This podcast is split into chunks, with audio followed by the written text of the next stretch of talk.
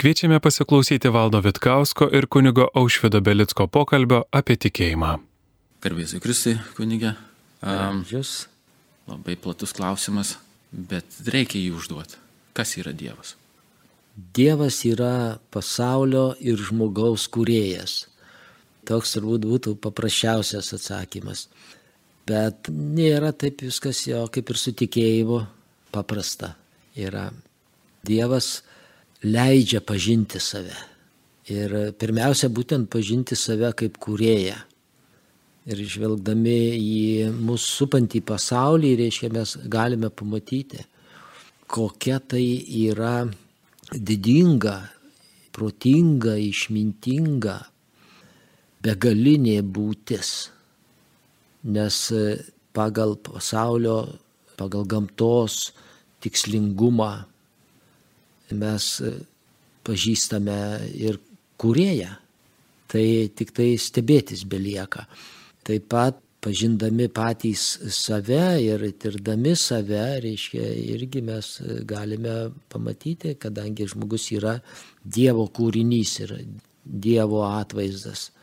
Taip pat galime pamatyti Dievo būties pėtsakus ir kartu Dievo veidą. Ir ypatingai Dievo prieškime, irgi Jėzuje Kristuje, taip pat mes matome Dievą, o jo labiau, kad Kristus pasakė, aš ir tėvas esame viena.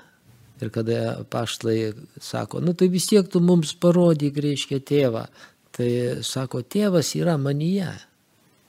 Ir aš jame, matai mane, matai tėvą.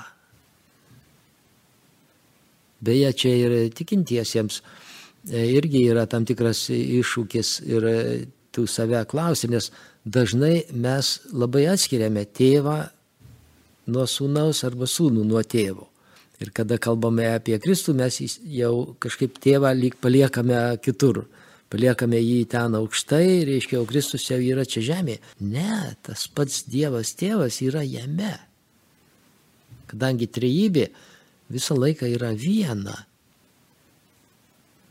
Mhm. Bet čia truputėlį kita tema. Taigi Dievas yra visa, visa ko kūrėjas ir visa ko e, palaikytojas taip pat ir manęs.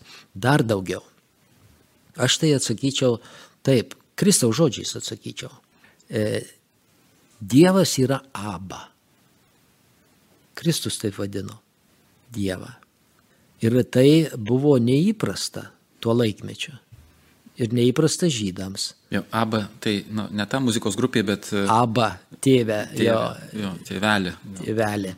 Ir tai buvo neįprasta, kadangi žodis aba reiškia mano brangusis tėvė. Mano brangusis tėvė. Nu, lietuviškai mes galime mažybiniu vardu įvardinti tėvelį. Jisai taip kreipdavosi lyg ir familiariai, bet iš tikrųjų labai jautriai. Ir šis žodis pasako, koks yra tikrasis ryšys. Tai Dievas yra man tėvelis. Ir, na, mano žemiškasis tėvas būtų gyvas, tai ir įsižeistų gal. Bet taip, reiškia, tėvelis yra žemiškasis tėvas. Bet jis yra laikinas. Jis laikinas globėjas. Jisai įvykdė kaip Dievo valią, kad per jį Dievas man, per jį ir mano mama davė man kūną. Taip pat mano namai irgi yra tėvų namai, taip atrodytų. Bet kada žvelgi iš tikėjimo perspektyvos, atsiveria visiškai kiti dalykai, kad mano gimtinė arba mano tėviškė tai yra tėvo namai, Dievo tėvo namai. Aš iš tų namų esu atėjęs į šį pasaulį. Nes ten nuo amžių buvau pas tėvą. Mhm. Ir tėvas siuntė mane į šį pasaulį. Ir pasibaigus šiai žemiškai kelioniai, aš vėl sugrįšiu į tėvo namus. Tai aš kalbu iš asmeninės perspektyvos, kadangi atsietai galima kalbėti atsietai apie Dievą, kas yra Dievas, apibriežti teologiškai ir taip toliau. Bet svarbiausia tai yra asmeninė perspektyva. Tai Dievas man yra tėvelis. aš esu jo dalis. Iš jo išėjęs, jo globojamas, jo lydimas ir jo dovanomis apdovanojamas. Ir labai gražiai tą ryšį atspindi ir kartu Dievą labai gražiai atspindi, tai pasakojimas apie sūnų palaidūną. Ne vienas nenori būti sūnum palaidūnu, bet kiekvienas iš mūsų dalinai juo esame. Mhm.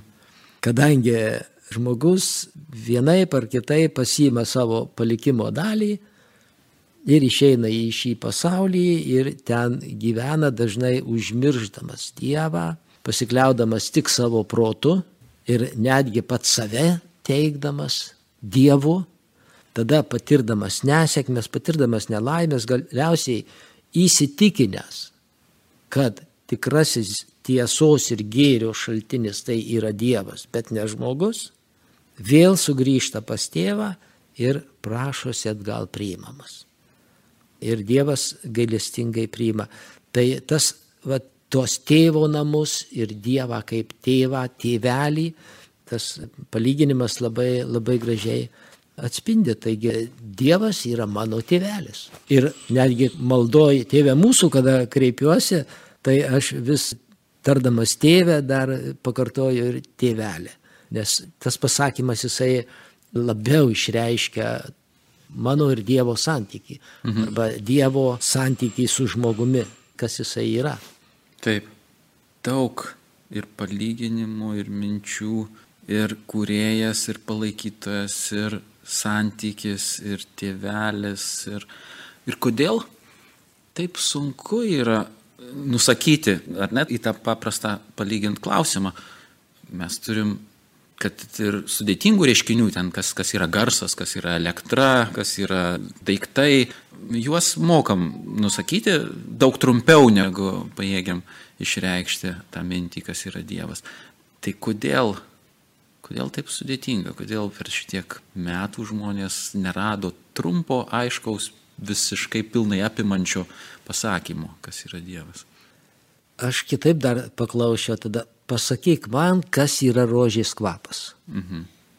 Niekaip nepasakysi ir niekaip nepaaiškinsi, reikia nueiti ir gėlę pavostyti ir tada žinosi, koks yra bet kurios gėlės kvapas. Mhm. Ir kas tai yra? Reiškia, tai gali tik patirti. Mhm. Dievas nepribojamas, reiškia, šiuo materialiu pasauliu arba trimatė erdvė. Jis yra aukščiau, jis yra kitoj tikroviai. Bet taip pat yra ir šioj tikrovėje, jis ją persmelkia keurai. Bet jo neapibrieši jokiais moksliniais apibrėžimais.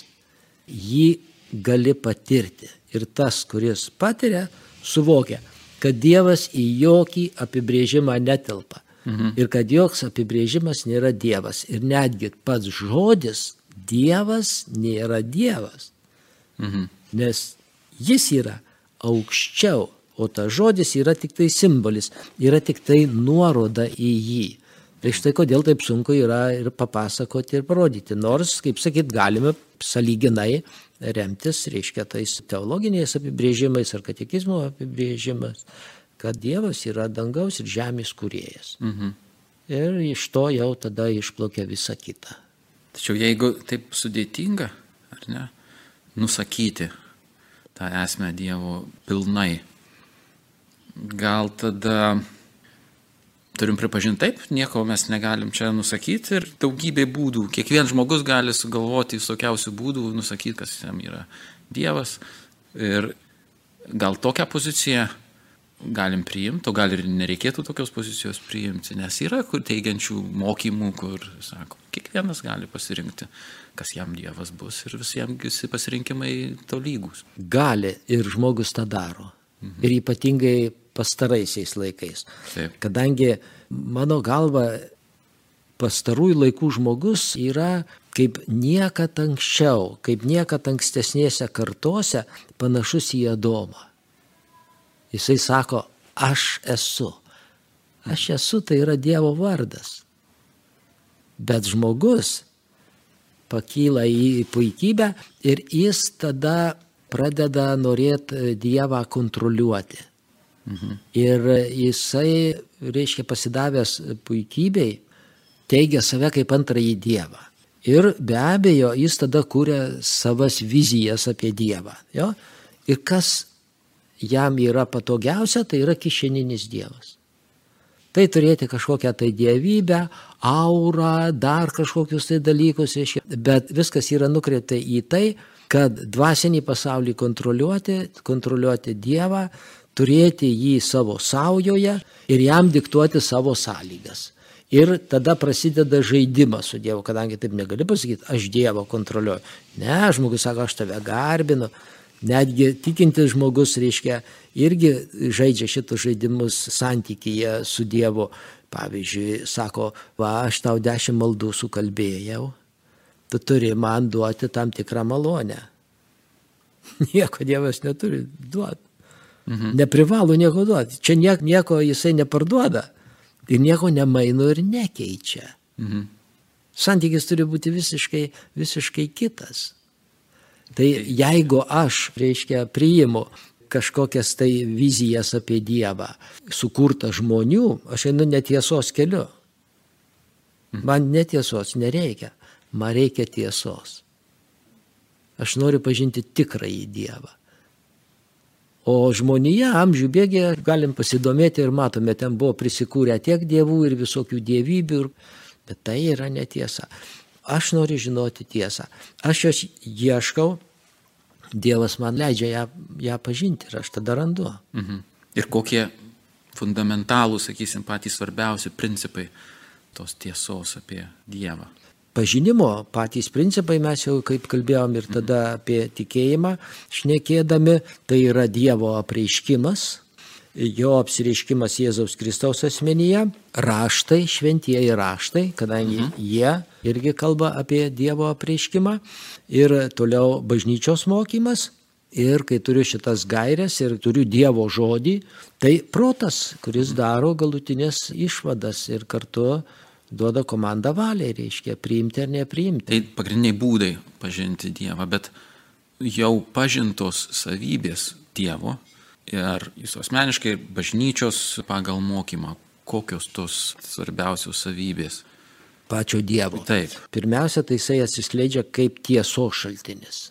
Ir sakoma, reiškia netgi ir islamo religijoje taip pat, kad nėra kito Dievo. Ir nėra kito tiesos šaltinio tik šis vienas ir aš nesu tiesos šaltinis. Žmogus teigia, dabar tai teigia, kad aš esu tiesos šaltinis. Taip, mūsų visuomenėje reiškia, kaip negalva, taip nuomonė ir taip tiesa. Mhm. Bet nesu aš tiesos šaltinis. Aš esu subjektyvus, aš klystantis, aš tik matau mažą dalį ir taip toliau. Dievas mato daug daugiau, Jis mato visą ir jisai žino visą ir todėl jo žodis yra svarbus. Ir jeigu jisai taria žodį, tai aš turiu įsiklausyti. Taip, jisai ir mano žodžius išgirsta, bet jo akivaizdoje man tiktų labiau nutilt, nes aš jam neturiu ką pasakyti protingesnio, negu kad jis man pasako. Tai Arba viena... svarbesnio, ką jis man pasako. Jis yra tiesos šaltinis. Tai, kad neužmirštų suformuluoti, įtvirtinti kad teisingai suprasčiau, tai reiškia toks absoliutas pilnatvės tiesos. Taip. Ne, atsižvelgiant į visas įmanomas, neįmanomas, visas aplinkybės, visas galimybės, praeitį, ateitį, dabartį, esmę ir paviršutiniškus dalykus, visą visą apriepiant apie visus dalykus ir tada tą vieną tiesą išreiškiant, tai būtų ta Dievo savybė. Nu, viena iš savybių, bet ji Taip, svarbi savybė. Kertinė. Taip. Dievas yra tiesa ir jo tiesą mes įvardyjame jo žodžiu. Jisai taria žodį ir šis žodis tampa. Mhm. Tai tiesa, ta... kuri ne tik teigia kažką, tai ne, jo. tik, ne tik kažkoks tai, efemeriškas toks dalykas, kuris teiginys, bet jis tampa žodžiu, realybė. Žodžiu ir kūnu. Taip. Jo. Ir reiškia, tai va todėl mes Dievą vadiname kūrėjo. Mhm. Pasaulio, visatos ir žmonių kūrėjo. Šis kuriamasis darbas, jisai yra paremtas Dievo tiesa, o čia jau telpa ir visi mokslai, ir visas žinojimas, ir, ir visa kita. Ir čia toliau ta antroji, sunku sakyti, antroji, pirmoji savybė, taip, taip. bet svarbiausia Dievo savybė tai yra meilė. Jisai tiesos, žinojimo, visokio gėrio, kurį jisai turi, jis nelaiko savo. Tai nėra būtis, kuri gyvena tik tai savo ir dėl savęs. Jis nėra egoistas. Mhm. Jisai taria žodį, kuria. Ir kūrimas yra jo meilės išraiška. Todėl, kad Dievas būtent ir paaiškina, kas yra meilė iš tikrųjų. Tai meilė yra imti iš savęs ir duoti. Mhm. Dalytis. Meilė reiškia dalytis. Dievas ima iš savęs ir dalyjasi. Jisai kūrė visatą, galaktikas. Šioje visatoje, tose galaktikose, vienoje iš milijardų galaktikų sukuria šią žemę, o žemėje sukuria žmogų. Jisai ima, viską ima iš savęs ir duoda. Ir žmogui, žmogus sukuria pagal savo paveikslą, dovanoja tiesą ir tą pačią meilę dovanoja, kad žmogus toliau testų tą kuriamą į Dievo darbą. Ir mes matom vėlgi, kaip eina viskas. Nuo, nuo pradžių, pradžių, pradžios, reiškia, ateina iki mūsų. Mhm. Ir Dievo tiesa, ir Dievo meilė, tai yra tie dalykai, kurie kuria. Ir kurie kuria mus. Ir kurie kuria mūsų asmenybės, kurie kuria mūsų gyvenimą. Mhm. Mus kaip žmonės. Ir mus daro laimingais. Tai čia nėra tik tai teorija, čia yra, reiškia, konkretus mūsų gyvenimas. Ir štai tada mes suvokiame, kad Dievas man nėra kažkas būtis tolima būtis. Arba būtis, kuri yra atsieta nuo mano gyvenimo. Ne. Dievas yra man be galo artimas, jisai persmelkia visą mano būtį ir be jo aš negaliu egzistuoti. Mhm. Be jo aš negaliu būti pilnaverčiu arba pilnu žmogumi. Ir kaip žmogus, kaip asmenybė, be jo aš negaliu atsiskleisti. Todėl, kad, nu, ir kartu esu išėjęs iš jo, todėl aš grėžiuosi į jį, o jis visą tą gėrį, kurį turi, dovanoja man. Problema tik kita. Nesugebame mes tiek priimti, kiek jis duoda. Kiekvienas priimame tik tiek, kiek leidžia mūsų fizinės, dvasinės galimybės ir visa kita. Va. Taigi Dievas yra tas, be kurio aš negaliu egzistuoti ir be kurio aš iš vis neegzistuočiau. Jo, mano, būties, mano būties pagrindas. Jo. Ir mano praeitis, ir, ir mano ateitis, jis, jis yra. Štai kodėl aš jį turiu grėžtis. Bet tai nereiškia, kad šis santykis mane sumažina ar kaip nors sumenkina ar ne. Tai kaip tik pabrėžia žmogaus didybę. Bet visiškai kitokią, paremtą didybę ir kilnumą, paremtus ne puikybę, bet nuolankumu. Tai yra objektyvi savęs suvokimu. Ir štai tada visiškai kitas santykis su Dievu užsimesga kur nėra čia kas aukštesnis, kas žemesnis, kas čia kurio klauso, kas čia kurio neklauso ir taip toliau. Ten atsiskleidžia visiškai kiti dalykai, kurie yra esminiai svarbus. Tai bendravimas, prieimimas to, ką Dievas man duoda ir kartu tapimas panašesni į jį. Mhm. Taigi va, tos kertinės savybės, kurias aš visat pabrėžiu, ten teologai gali ir kitas išvardyti, tai yra tiesa, meilė, nu paskui ir gėris, ir gailestingumas, mes iki begalybės galim vardyti. Pavyzdžiui, visos tos savybės jos atsispindi kaip e, žmogiškosios darybės, krikščioniškosios darybės, pagrindinės tikėjimas, viltis, meilė ir paskui jos skaidosi į kitas, reiškia, tai yra kaip kertiniai akmenys, iš kurių yra lipdoma žmogaus asmenybė.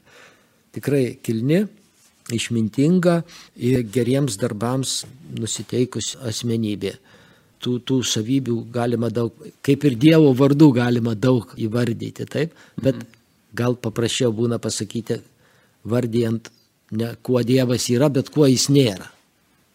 Dionizas Europagita taip darė, kad mes nepasiklystume ir nepagalvotume, kad reiškia, kad, tu, jo. jo, kad jau Dievą mes apibrėžėm, O jeigu jau tik aš apibrėžiau, reiškia, aš jau valdau, o valdyti labai nori kiekvienas žmogus, pabrėžia tas savybės, kuo Dievas nėra. Tampa tada aiškiau, kad jis iš tikrųjų yra kur kas aukščiau už mus ir už mūsų visas savokas ir visus išvedžiojimus.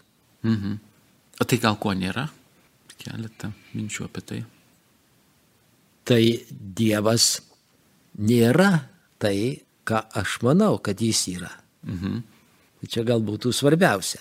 Nes jeigu aš savo proto jį jau apibrėžiu, mhm. reiškia jį aš Sumenkinau. api- Sumenkinau. Dalelę Jo, apriepiau. jo, tokių dalykų mes galime ten rasti ir daugiau. Bet e, man pati dalelė ne, nėra labai priimtina, reiškia, kadangi jinai negatyvėje pusę kreipia, tai aš vis esu linkęs kalbėti, reiškia, kas jisai yra. Jo. O kas jis yra, tai čia iki, iki begalybės, kaip ir su Dievo vardais. Reiškia, begalė yra Dievo, dievo vardų. Ir kiekvienas vardas arba kiek, kiekviena savybė, jinai yra be galo svarbi man. Mhm. Man. Kodėl? Todėl, kad, pavyzdžiui, sakom, Dievas yra gailestingas. Na va.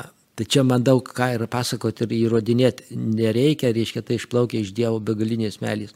Jis yra gailestingas, bet tai nereiškia, kad aš turiu jį, reiškia, apgaudinėti ir sakyti, aš gyvensiu autonomišką, bedievišką gyvenimą, o Dievas vis tiek yra gailestingas, po mirties priims mane pa- pas save, reiškia, ir kaip sakyt, tu čia gali melstis, reiškia, vis tiek tą patį mes gausime. Nieko panašaus to nebus. Bet Dievo gailestingumas, jisai man kalba apie ką? Jisai kalba, kad tai yra labai svarbi dorybė, kuri man padeda gyventi tarp žmonių.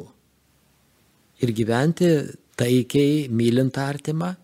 O pavyzdį tokį pateiksiu. Jeigu aš esu negailestingas, pavyzdžiui, pykstu, mes dėl kažkokių tai priežasčių susipykom. Ir nesvarbu, kuris čia kaltas. Reiškia, mane įžeidė, ar man skriauda kokią padarė ir aš tą skriaudą savyje nešioju. Tai aš kenčiu nuo to. Pirmiausia, aš kenčiu. Paskui tas žmogus kenčia, kadangi aš jį piktai žiūriu, aš jam piktus žodžius sakau, Taip. aš jam piktus darbus darau ir taip toliau, ir iš vis mes nebendraujam. Nors gyvenam šalia, netoli. Ir kuo toliau, tuo labiau kylu į puikybę, tie santykiai komplikuojasi ir niekaip mes negalim susitaikyti, bet kiekvienas laikomės savo puikybės, jau vėliau neatsimenam ir nuo ko tas konfliktas prasidėjo.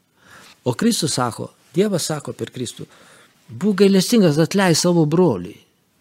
Tai kaip aš galiu atleisti, jis man tokią skriaudą padarė, supranti, jis tą, tą. Pirmais tegul atsiteisė, tą padaro, tą, na, padaro, tą padaro ir visa kita, tada aš gal atleisiu. Ne, Kristus sako, atleisk. Kodėl? Todėl, kad aš matau, kaip tu kenti, neatleisdamas. Pyktis ėda iš vidaus, nervų sistemą greuna, apsunkina vidų, neleidžia su kitais žmonėmis normaliai bendrauti, kadangi tas pyktis atsispindi. Išsivaduok iš šito pykčio, pamesk jį, nes pats nuo to kenti. Ir sako, o aš sakau, kokią dar priemonę tu man, gal dar kitą priemonę kokią, ne? Arba aš pats bandau sukurti kokią priemonę, kaip įsivaduoti, nieko neišeina. Vaistai nebent gali padėti, ne, tik tai tam kartui nuraminti. Alkoholis, narkotikai, va, ta, to žmonės, reiškia, grėbėsi. Kristus sako, būk gailestingas, eik ir susitaikink, atleisk jam. Ir iš tikrųjų, kai pasižiūriu, nuostabiausia priemonė, tobuliausia priemonė, aš atleidžiu. Dedu tašką, todėl kad tos praeities jau nėra, jos nėra. Mes ten susipykom, susirėm, bet jos nėra. Nu, ateities irgi dar nėra, o ką mes turim dabartį, mes va turim dabartį gyvenimą, mes viens prieš kitą sėdim, suprantate, reiškia. Ir tai vienintelis dalykas, kurį mes turim, ne? Brangiausias dalykas. Ir tą akimirką kiekvienas nori gyventi laimingai ir džiugiai. Tai Kristus sako, atleisk. Viskas, dėk tašką, išdildyk, nesidaryk į praeitį ir būsi laimingas ir susitaikysi su tuo žmogum. Ir neprikaišiok jam, iš praeities netraukyk tų dalykų. Vieną tik Dievo savybę paėmiau - gailestingumas. Prašau, kaip jinai išsiskleidžia, kaip medžio šaknim, žinai, per mano asmenybę, per visą gyvenimą. O kiek tų darybių, kiek tų savybių yra, ir jos visos gyvybiškai yra svarbios. Ir Dievas sako, va, Sako, aš tau duodu priemonės. Beje, kai mes kalbam apie Dievo įsakymus, reiškia, kuriuos dažnai suvokiame kaip primestus. Kad Dievas, reiškia, o čia matai, jisai pristatė įstatymų visokių prirašė, nors Dievas tik tai dešimt, ir tai jisai juos pavadino dešimt žodžių. Ir kaip jisai juos ištarė. Jis labai įdomiai pasakė, gerbsi tėvą motiną, gyvensi. Nevoksi, gyvensi. Viskas. Alternatyva kokia? Negerb tėvo motinos, voksiu, tą darysiu, skriausiu savo artimą, renkuosi mirtį, reiškia, negyvensiu. Ir kiekvienas blogis, iš tikrųjų, desnis ar mažesnis blogis, jisai sieja mirtį. Nu, nesvarbu, kad dabar jinai nepasireiškia ryškiai. Bet kada mes kriminalinę kroniką skaitome, reiškia, išgirstame, reiškia, kad ten pasigėrė, susipyko ir pripjovė kas nors, ką nors. Jo, ir prašau, tau mirtis. Bet atlikim genezę. Pažiūrėkim, iš kur čia viskas ateina, kyla. Tai kyla, sakysim, ten iš tų žmonių kyla. Ne, kyla iš visų mūsų. Iš manęs taip pat. Ir mano mažytis blogis sėja tą mirtį. Jis susideda su kito blogio, jis išauga į didžiausią kamolį. Ir galų gale nukenčia kas nors, ne? Ir ateis laikas, nukentėsiu ir aš. O tada klausiu, kodėl Dievas leido šitai? Kodėl, ką jis nematė, kodėl Dievas nesustabdė, kodėl aš nukentėjau, aš iš vis nekaltas esu.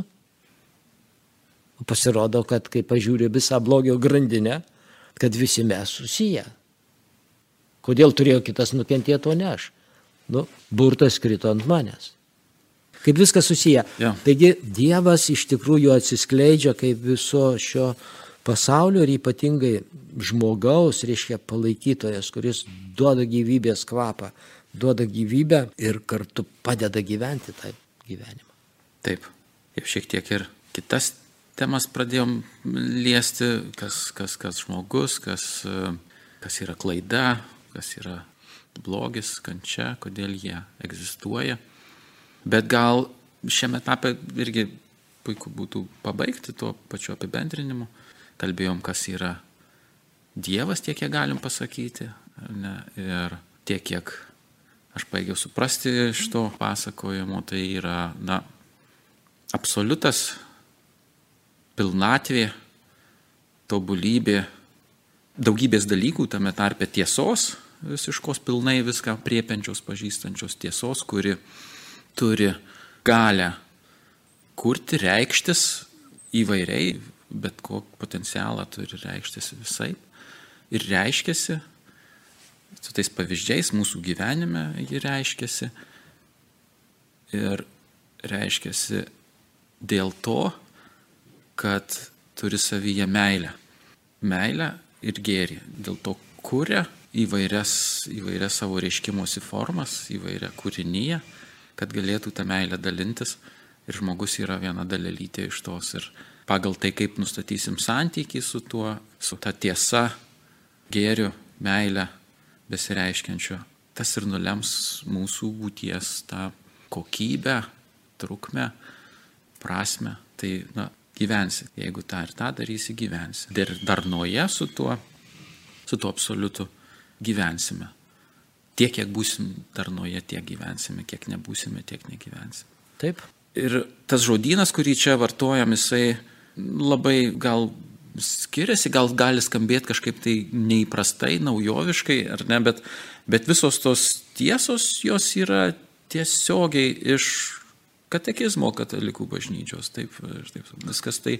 Taip, nieko naujo. Ar, jo, nieko, nieko naujo. Moderniau galiu pasakyti, reiškia, žmogus yra kaip elektroprietaisas. Jam reikalinga elektros energija, elektros prietaisų įjungia į tinklą, jisai veikia. Tai lygiai taip pat čia yra, reiškia, reikalinga ta dvasinė energija, reikia įsijungti į dievišką į tinklą, kad pradėčiau funkcionuoti tinkamai. Be to, arba netinkamai funkcionuosiu, arba striksiu ir iš vis neveikia. Dar palėtėm tokią įdomią, kas nėra Dievas, tai einam į tą kryptį Dievo nebuvimas, kas yra, ne? kas, kas tai būtų ten, kur nėra tos uh, tikros tiesos, tikro gėrio, meilės.